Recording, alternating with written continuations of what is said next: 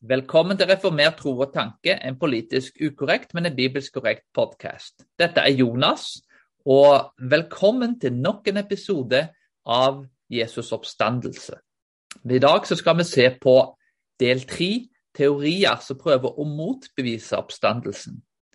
Tidligere så, så vi på hvorfor oppstandelsen var betydelig. Det var del én. Vi fant ut at hele troen og kristendommen hviler på den fysiske og historiske oppstandelsen til Jesus Kristus. Den andre delen, der så vi på at de historiske bevisene på oppstandelsen Vi fant ut at oppstandelsen var troverdige og sannsynlige.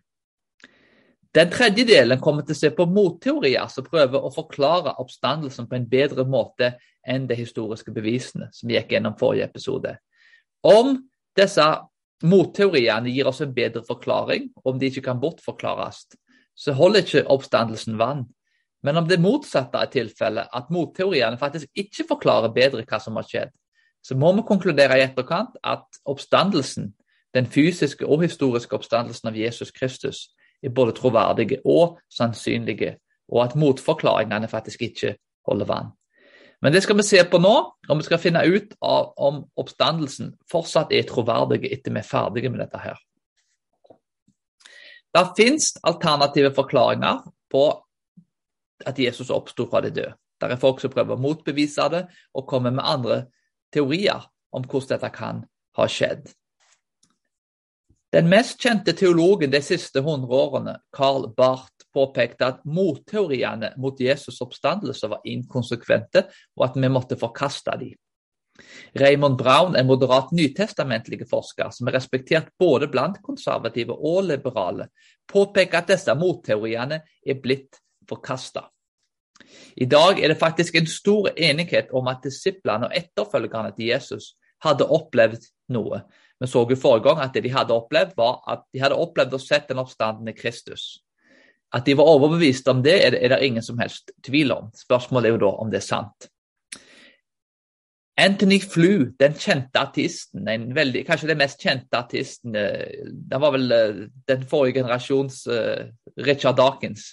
Anthony Flew var en, en, veldig dyktig debattant, deltok i offentlige debatter. En veldig kjent artist. Men han konverterte jo da til, til å bli en artist, som et resultat av alle disse debattene med kristne, bl.a. Og ble en, da en deist, som trodde da på en slags gud som hadde skapt universet, tross for at det ikke er noe bevis om at han ble kristen. Han sa da i en debatt da, til Gary Habermas, som er en kjent uh, apologet, da, med spesielt med tanke på Jesus' oppstandelse. Anthony Flew sa til Habermas i debatten at uh, han hadde ikke noe motbeviser mot oppstandelsen.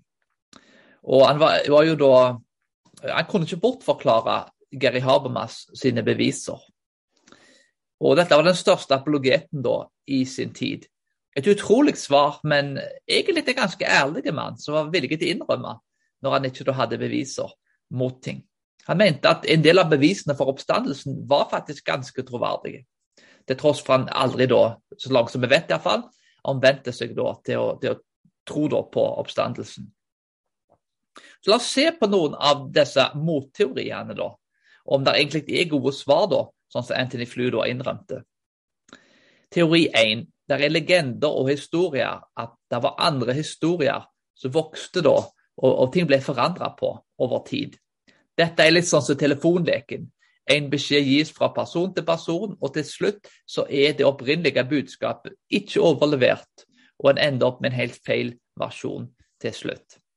En ender opp med legender, myter og fortellinger som ikke var den samme som originalen.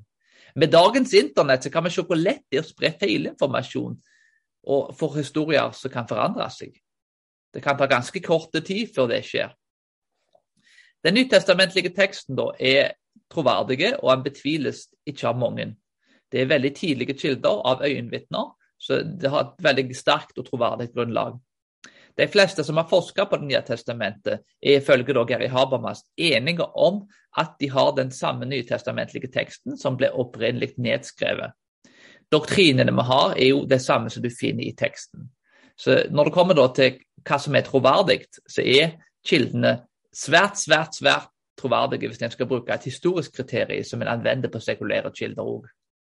Spørsmålet blir da kan legendene likevel ha kommet inn før ting ble skrevet ned for første gang. Og Svaret på dette er nei. Det er flere grunner til dette. Nummer én, oppstandelsen finner vi hos de første apostlene. Om detaljer skulle bli lagt til senere, så hadde vi ikke funnet dette i den opprinnelige fortellingen. Nummer to, Paulus så at den oppstandende Jesus, og han hadde en veldig tidlig dato. Hans konvertering var basert på å ha sett den oppstandende Jesus. Og Paulus var altfor tidlig til at legender kunne ha krøpet inn. Det samme kan sies med Paulus, som, altså, som kan det kan sies med broren til Jesus, da, Jakob. Eh, han har, Vitnesbyrdet hans var jo det at han hadde sett en oppstand i Jesus, var hans egen bror. Så dette er altså svært, svært tidlige kilder. Det nye testamentet er jo skrevet da ganske tidlig da, av øyenvitner etter Jesus oppsto fra de døde. Eh, det er snakk om altså innen år 100 Eh, det heter jo da at Jesus eh, ja, dør rundt i år 33 år etter Kristus. Om, om, det er rett eller galt, det er sikkert ulike meninger om akkurat dato det var. Men, men rundt om den tida, til tross for noen menn datoene er feilberegna. Eh, så er det snakk om altså innen en ja, Det aller meste var nedskrevet altså innen en, en, en 30-50 år, kan du si, i etterkant. Svært, svært svært mye. Og, og det, det, er for tidlig med tanke på at det er øyenvitner. Så denne forklaringen gir ikke noe som helst mening. Den andre forklaringen er at det er ikke historiske teorier. Og folk trodde da det var bare en fortelling. Det var en hyggelig tro og fortelling som egentlig ikke var basert på sannhet. Noen mener at disiplene skrev på en ikke-historisk måte for å formidle viktige sannheter om Gud og annet Man tenker sånn at Det var etter opplysningstid folk begynte å skrive litt mer historisk korrekt. og den type ting. Før så fortalte de fortellinger med masse viktige sannheter, men som egentlig ikke var historisk korrekte. En kan si da liksom at Jesus oppsto fra det døde for å ære Jesus. Han var en fin fyr, veldig bra fyr. Han var rabbin deres, og han, de ville ære han da og si positive ting om han, til tross for det var ikke sånt egentlig skjedde.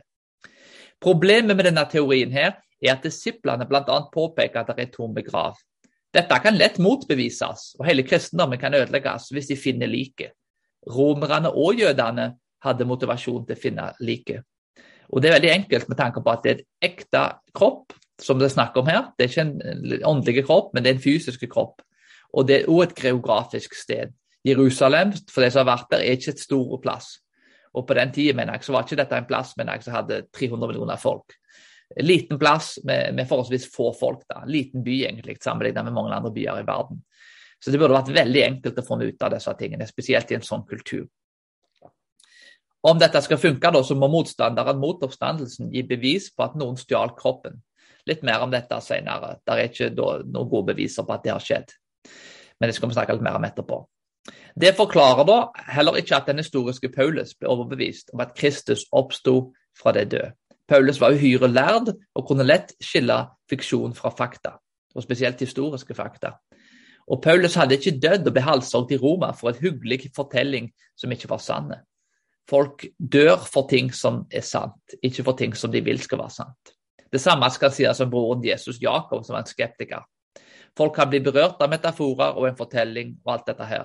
Men ingen gir opp sin egen kultur og sitt eget liv for noe som ikke har skjedd og som egentlig ikke var sant. Så Jakob og Paulus, da, som var skeptikere, som gav opp livene sine for å følge Jesus, og ga opp sin egen jødiske kultur og kanskje familierelasjoner og annet, eh, det gir ikke noe som helst mening at de skulle ville at dette var sant. Eh, og det må du nesten. Du må ville at noe sånt skal være sant for å være med og dikte opp en historie. Og du dør ikke for den typen ting. Det er ingen som dør for en hyggelig historie. Folk vil gjerne ofre litt for en hyggelig historie, men de dør ikke for den. Men det gjorde de. Det fjerde er at utdanna folk visste hva en oppdikta historie var, og hva en ekte historie var. Vi har fiksjon og faktabøker i dag. Folk visste forskjell på det i dag, i, altså, altså, på den tida og i dag. Og dette er liksom at ja, Da var de primitive tilbake til den tida. Og Hvis folk har lest litt av antikkens kilder og den type ting, så, så, så var folk uh, sannsynligvis smartere enn de var i dag. De, de, de lærte iallfall. Uh, I dag er vi vel egentlig blitt mye dummere med tanke på at det er så mye informasjon tilgjengelig. Men tilbake da så huska folk mye bedre, og pga. at de måtte huske ting. Det var ikke så mye bøker tilgjengelig, så memorisering var mye mer utbredt. Men de hadde òg altså ganske gode metoder for å skille sant ifra usant. Og Romerne var kjente for å ha struktur og orden og, og god logistikk på ting. Så dette er liksom at uh, folk var så primitive da, at de visste liksom ikke forskjell på et spøkelse og en ekte person. Eh, rett og slett, Det blir teit da, å, å, si de tingene, for det er ikke sant. Folk visste hva som var sant og hva som var usant, og hadde veldig effektive metoder for å skille mellom de tingene. Det femte er at Det nye testamentet har et historisk innhold og ikke skrevet som myter. Talene fra Peter og Paulus i apostelens gjerninger er satt opp en kontrast mellom kong Davids kropp, som er begrava, med Jesus sin oppstandende kropp. De visste forskjellen. Jesus sin kropp råtna ikke i graven, sånn som Davids kropp gjorde, men ble oppreist av Gud. Ja, det er en forskjell, og de visste forskjellen. Det ser du klart og tydelig med David og Jesus i Apostlenes gjerninger og andre plasser. At det er en kontrast mellom en fysisk kropp som ikke blir oppstått, og en fysisk kropp som blir oppstått ifra det døde. De visste forskjellen. Det ser vi et konkret bevis på her. Det vil være enkelt for Paulus og Peter å si at både David og Jesus sto opp åndelig fra de døde. Men det er ikke det de påstår. De påstår at Jesus fysisk har oppstått fra de døde. Vi har gått gjennom dette i episode 1, at det er snakk om, ifølge N.T. Wright, den kanskje største forskeren på dette feltet, det er snakk om en fysiske, kroppslig, legemelig oppstandelse. Og det er veldig lett å motbevise, bl.a. med å finne liket og kroppen.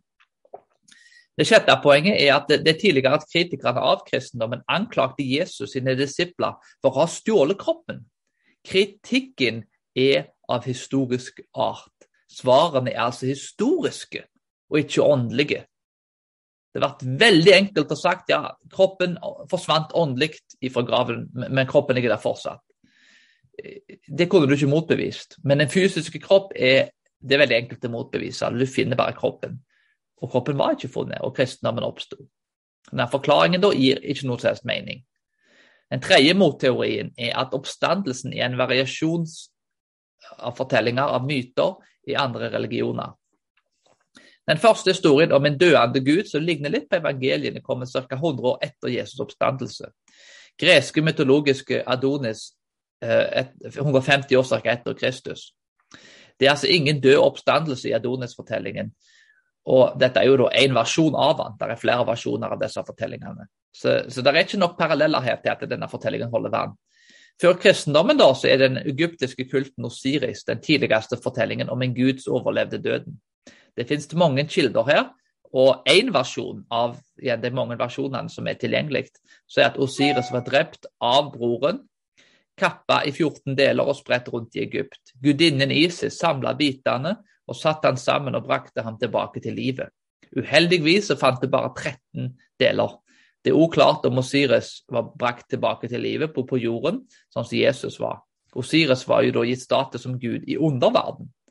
Osiris' oppstandelse var mer en, eh, si, en zombification. da. Han ble jo som en, som en konge over zombier, over det døde. Altså Han ble gud over zombier og det døende. Og det var ikke Osiris her, men sønnen Horus som er helten i fortellingen. Så ja, det er noen likhetstrekk, men, men det er òg en del ting som er veldig ulike. Og at uh, dette var historien da som skulle inspirert Jesus' oppstandelse, gir for meg ikke noe som mening. Med Mohammed så er det påstander om ca. 75 uh, altså, sorry, mirakler 75 år etter hans død. Og ikke som i Jesus at dette skjer da mens han lever. Folk rundt Jesus påsto mens han levde at han gjorde mirakler og at han gjorde utrolige ting. Legender kan krype inn og bli blanda inn etter 75 år, sånn som er islam. Og Mange muslimer mener at kildene da, med, dette, med, med Muhammed sine mirakler ikke er troverdige på et historisk grunnlag. I andre religioner så ser vi heller ikke historiske bevis for en fysisk oppstandelse. Dette gjør de da mindre troverdige. Disiplene da i så fall da gikk, gikk bedrageri og ville berge fjes etter Jesus død for å spre sin sak. Og, og dette holder enkelt og greit ikke vann. Hvis noen kjenner til den uh, skandalen da med president Nixon i Amerika, Watergate, så var det en som het Chuck Colson, da, som ble en, en veldig dyktig kristen apologet og evangelist. Uh, men han var jo en, en kjent amerikansk politiker som var ganske høyt oppe. Men han sa at i denne skandalen da, så var det tolv mektige menn, de, og, de, og de klarte å holde løgnen oppe. De løy da om den skandalen og prøvde å skjule det for omverdenen I to uker klarte disse tolv mektige mennene som var høyt oppe i det amerikanske systemet, å holde dette skjult. Etter to uker så var de totalt avslørt. Hvordan i all verden klarte disiplene da å lyge om noe som var enda større, og ble forfulgt og drept for denne sannheten? Det gir ingen som helst mening, uten at det de trodde på, hadde skjedd, og at det faktisk var sant. Disiplene dør for troen, og igjen, ingen dør for en løgn. Hvordan forklarer en at noen er villige til å dø for noe så de, vil, altså de vet med visshet ikke er sant? Så dette at det er oppdikta, er noe som ja, det, gir ingen som helst mening. Og dette at det er myter i andre religioner som er lagt til, gjorde at de hadde visst dette. Og de hadde ikke vært villige til å dø for det. Det fjerde motteorien er at noen stjal liket. Dette forklarer da ikke at de var villige til å dø for å ha sett den i Jesus. Igjen, Hvis de stjal liket, så visste de jo at Jesus ikke hadde oppstått fra de døde. Og da hadde de ikke dødd for noe de visste var en løgn. Det gir ingen som helst mening. Dette kan forklare kanskje en tomme grav, men ikke at Paulus, Jakob og disiplene Altså Her har du to skeptikere. En som hata kristne og drepte de, som var villig til å gi opp alle godene han hadde som romersk statsborger, og alle andre privilegiene som han hadde med velstand og andre ting, for å bli skipsforlist, torturert og fengsla og drept til slutt. Jakob, broren til Jesus, ble overbevist, og de var villige til å dø for denne sannheten. Så det forklarer ingenting. Den femte motteorien da, at de gikk til feil grav. Dette forklarer fortsatt ikke at disiplene var villige til å dø for å ha sett den oppstanden i Jesus. Og om de da hadde gått til feil grav og funnet den, den tomme graven, så, så, så, så det, det, forklarer ikke da igjen Påstanden på kristendommen her er jo nettopp dette at de, de har sett ikke bare en tom grav, men en oppstanden Kristus. Og Dermed så faller den teorien i grus. Den neste teorien, nummer seks, da, er at det de så ut som han døde på korset. Romerne var ekstremt dyktige på å drepe korsfesta folk. Pisk og tortur for korset. De ble hengende der i flere dager, og igjen meget, meget smertefullt. Og romerne Jeg tror ikke det er noen tilfeller der det romerne er ikke noe som er skrevet ned, at noen har overlevd en korsfestelse. At Jesus ikke døde på korset, er da i strid med det er Bart Ørmen, som er en artist og en kjent tekstkritiker, og mange andre storkar sier at det at Jesus levde, at han døde på korset, er regnet som, som, historisk. At Jesus ikke døde på korset, er også i strid med moderne medisinsk kunnskap. I Johannes 19 så blir Jesus stukket i sida med et spyd med blod og vann kommer ut. Om Jesus ikke døde, så blir han altså torturert i forkant. Hang på korset i lang tid, i solsteken, full av blod. Han lå i graven da, rulla bort en diger stein, gikk forbi vaktene uten mat og drikke etter å ha blitt pint altså i, i, i, flere dager. Og så fant han disiplene bløende og fæle. Ville dette overbevist disiplene om at Gud var oppstanden? En svak, blodig Jesus er i strid med hvordan han ble beskrevet i Bibelen. Han ble beskrevet i en veldig god og fin oppstanden form. Han blir beskrevet som, som, ja, som, en, som, en, imponerende Jesus, ikke som en blodig og halvdød og torturert Jesus. Den oppstanden Jesus viste seg for Paulus igjen, og det var en imponerende Jesus. Det var ikke en bløende blødende og nærmest døende Jesus. Så igjen, Dette er jo i strid med kildene, og det gir ingen som helst mening at Jesus skulle klare å bli pint så mye og allikevel komme seg på fot igjen. Den sjuende teorien er at hallusinasjon. Private opplevelser er ikke kollektive. De er ulike fra person til person. Alle får ikke den samme hallusinasjonen. Første Korinterbrev 15, Peter, Paulus og de 12 og 500 folk så Jesus. Så her er det snakk om at folk så den oppstandende Jesus på ulike tidspunkt. Og Da skulle alle da over en tidsperiode få den samme hallusinasjonen. Altså 500 stykker, da i tillegg til folk som hater Jesus, folk som elsker Jesus, og som kom fra ulike bakgrunner. Det gir ingen som helst mening. Hallusinasjoner forklarer heller ikke den tomme graven. Samme om noen skulle ha hallusinert, så forklarer ikke den tomme grav. Paulus hatet Jesus og de kristne, hadde en lynskappa utdanna hjerne, og at han skulle gi opp livet sitt for å følge Kristus, gir ingen mening. Han var ikke lei seg for at Jesus døde, og han ville ikke at dette skulle være sant. Men han ble overbevist om at at det var sant, til tross for uh, han ikke ville det skulle være sant. Jakob, broren til Jesus, trodde hans egen bror var Gud og oppsto fra det døde. En jøde som gav opp sin egen kultur på den måten. Eh, det gir ingen som helst mening at, at dette skulle være en form for hallusinerende ønsketenkning. Det er litt sånn at Hvis en ufo kommer ned, og mange folk på ulike plasser, til og med skeptikere som ikke er artister, som ikke tror på ufoer og alt dette her, hvis de rapporterer at de har sett en ufo mange ulike plasser på ulike tidspunkt, så kan du ikke si at de hallusinerte. Du kan i hvert fall i minste si de så noe. De har sett noe som de minste ligner veldig på en ufo. Det er det ikke noe som helst tvil om. Det betyr ikke at dette er en ufo, at det er aliens som kommer. Men de har sett noe, og dette er åpenbart. De har ikke hallusinert kollektivt om de samme tingene. Vi kan diskutere hva de har sett, men noe har de sett. Bevisene er for sterke. Den åttende motteorien er vrangforestillinger. Gode mennesker kan være oppriktige, men allikevel tro gale ting. Folk kan omfavne gale trossystemer. Det er kultledere og, og, som lignende som er veldig oppriktige. Dette kan delvis forklare hvorfor Jesus vil noe skal være sant. At noen vil ting skal være sant, og så blir det sant. Som disiplene da til Jesus. Ja, disiplene var glad i Jesus og ville følge ham. Men det forklarer jo ikke Paulus og Jakob, som var skeptikere. Som ikke da ville at dette skulle være sant nødvendigvis. Det forklarer heller ikke en tomme grav. Så dette er en forklaring som ikke holder vann. Den niende versjonen da er at det var en visjon. En objektiv visjon er å se noe ekte og ikke falsk uten bruk av naturlige sanser. Subjektivt er det å se Jesus ved hjelp av sinnet, som fikk sin drøm eller en visjon.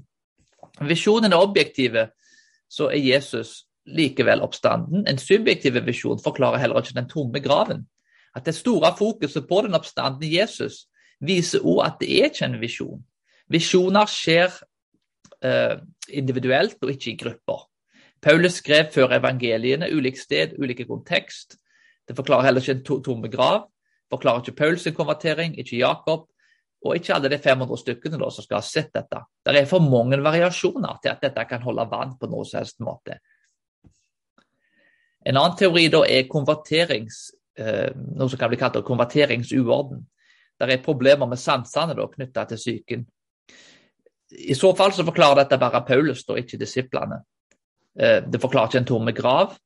Eh, egentlig så forklarer det heller ikke Paulus, for han passer ikke i profilen.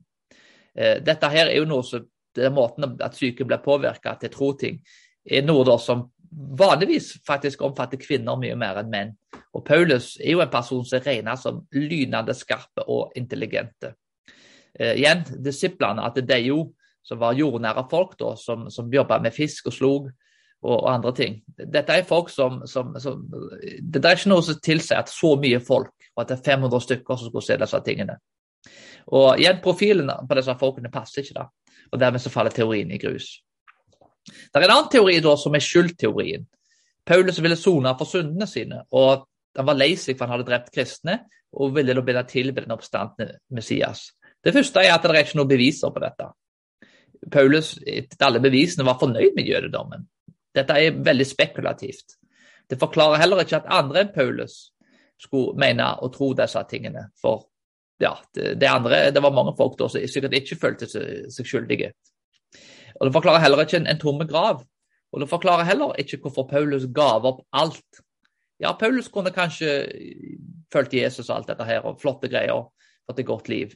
Men det forklarer ikke pga. skyld at han er villig da, til å tro noe som ikke er sant, og gi opp livet sitt for det, og bli halshogd i Roma til slutt. Folk dør og ofrer gjerne ting for ting de er overbevist om er sant. Men folk gjør ikke det for ting som de ikke er sikre på om, om er sant, og ting som er overdrevet, og ting som er oppdikta. Og Det bringer oss da til den tolvte forklaringen. Ulike forklaringer på oppstandelsen. Vi bør forvente at ting er ulike. At det er ulike forklaringer. Som litt som i en bilulykke. Hvis det er fire stykker som ser det, så er det mer mistenksomt hvis de fire versjonene er prikkens like. Da virker det som de har konspirert så til sammen og sagt vi deler akkurat samme historien. Men hvis folk ser en bilulykke fra fire vinkler, så bør vi forvente fire forklaringer som samsvarer med hverandre til en viss grad, men som påpeker ulike ting. For folk ser bilulykker fra ulike vinkler, så alle ser ikke de samme tingene.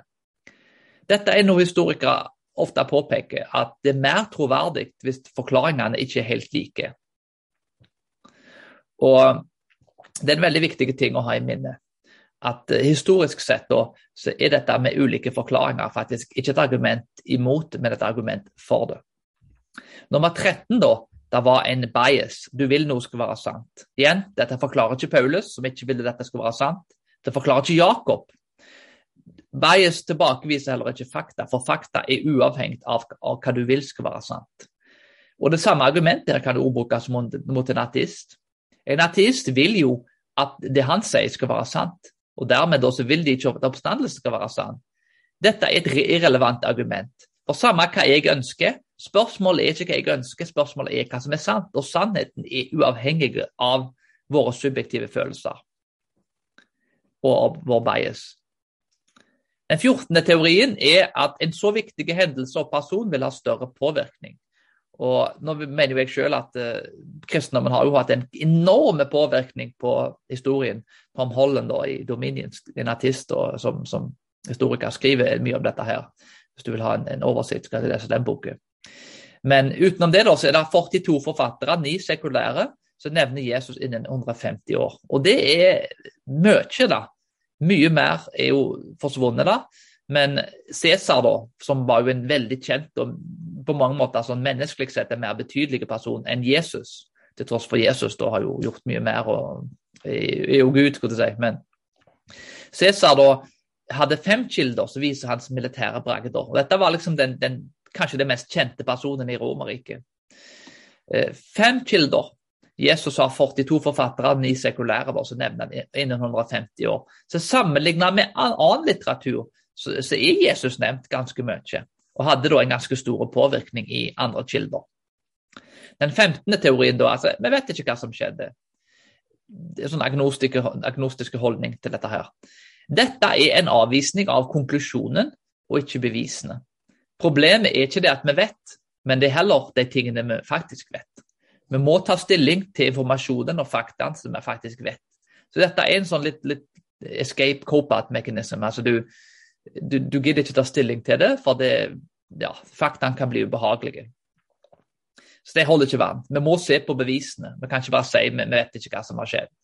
Det, det er egentlig en, en form, kan også være en form for latskap. Og ikke at en vil ikke gå inn på bevisene, for en er redd for hva konklusjonen kan bli.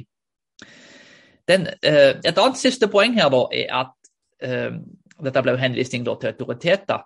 Men mye av disse bevisene mot teoriene da, for å oppsummere litt. Richard Swinburne, da, som uh, hadde en av de høyeste posisjonene i filosofi da, på Oxford, som er jo en av, en av kanskje mest verdenskjente filosofer på sin tid. Jeg lurer på om han er pensjonert. da. Jeg hadde faktisk han når, når, når jeg studerte i England. Hadde han i hvert fall et, et, par ganger, tror jeg, hvis jeg husker helt feil. At han kom innom da, en gang, og så var det en, en gang utenom. Eh, han har jo skrevet en bok da, om, om Jesus oppstandelsen. Og Han mener da, som, som filosof da, så rett statistisk sett, er det 97% sjanse for at Jesus oppsto fra de døde. Dette er altså en av de, ja, en av de smarteste filosofene som, som sikkert lever, og har den høyeste posisjonen vel du nesten kan ha i, i, i den filosofiske verden. Altså Har du en, en, en, en veldig høy stilling, en av de øverste stillingene på Oxford, så er du som regel for at du er ekstremt intelligent, og, og at du, du, har vist at du er en meget, meget, meget dyktig fagmann. Så for en sånn person med, med den typen bakgrunn, og med den intelligensen og, og med, med, den høye stillingen, å si noe sånt, at det er faktisk sannsynlig at Jesus oppsto fra det, 97% sannsynlig, sier jo litt om hvor sterke bevisene faktisk er. Vi vet at oppstandelsen er viktig og sentrale, vi vet at det er historiske beviser som gjør at den er sannsynlig og troverdig. Og jeg mener hun har vist og oppsummert i hvert fall til en viss grad at motteoriene forklarer ting dårligere enn de historiske bevisene. Og Dermed så vil jeg konkludere at det er sannsynlig og troverdig at Jesus oppsto historisk og fysisk fra det døde. Igjen, det er troverdig og mer sannsynlig enn alternativene. Det er svært få ting i livene som jeg kan vite med sikkerhet. Jeg er overbevist om mange ting, men jeg er ikke sikker på mange ting. Det er svært få ting i livet som jeg er veldig sikker på, som jeg kan vite med 100% sikkerhet.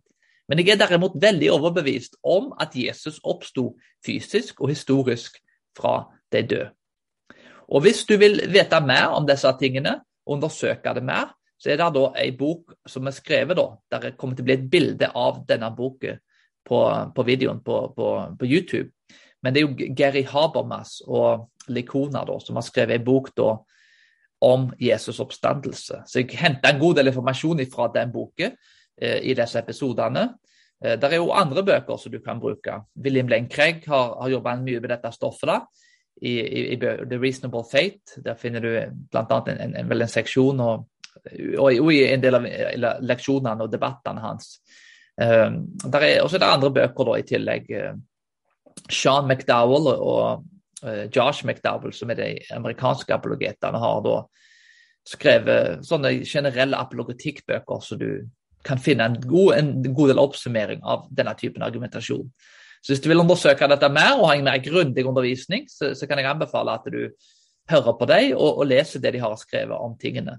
Så Jeg har lånt litt informasjon fra ulike kilder, da. men alle det jeg har nevnt, da, har jeg, har jeg henta litt ting fra.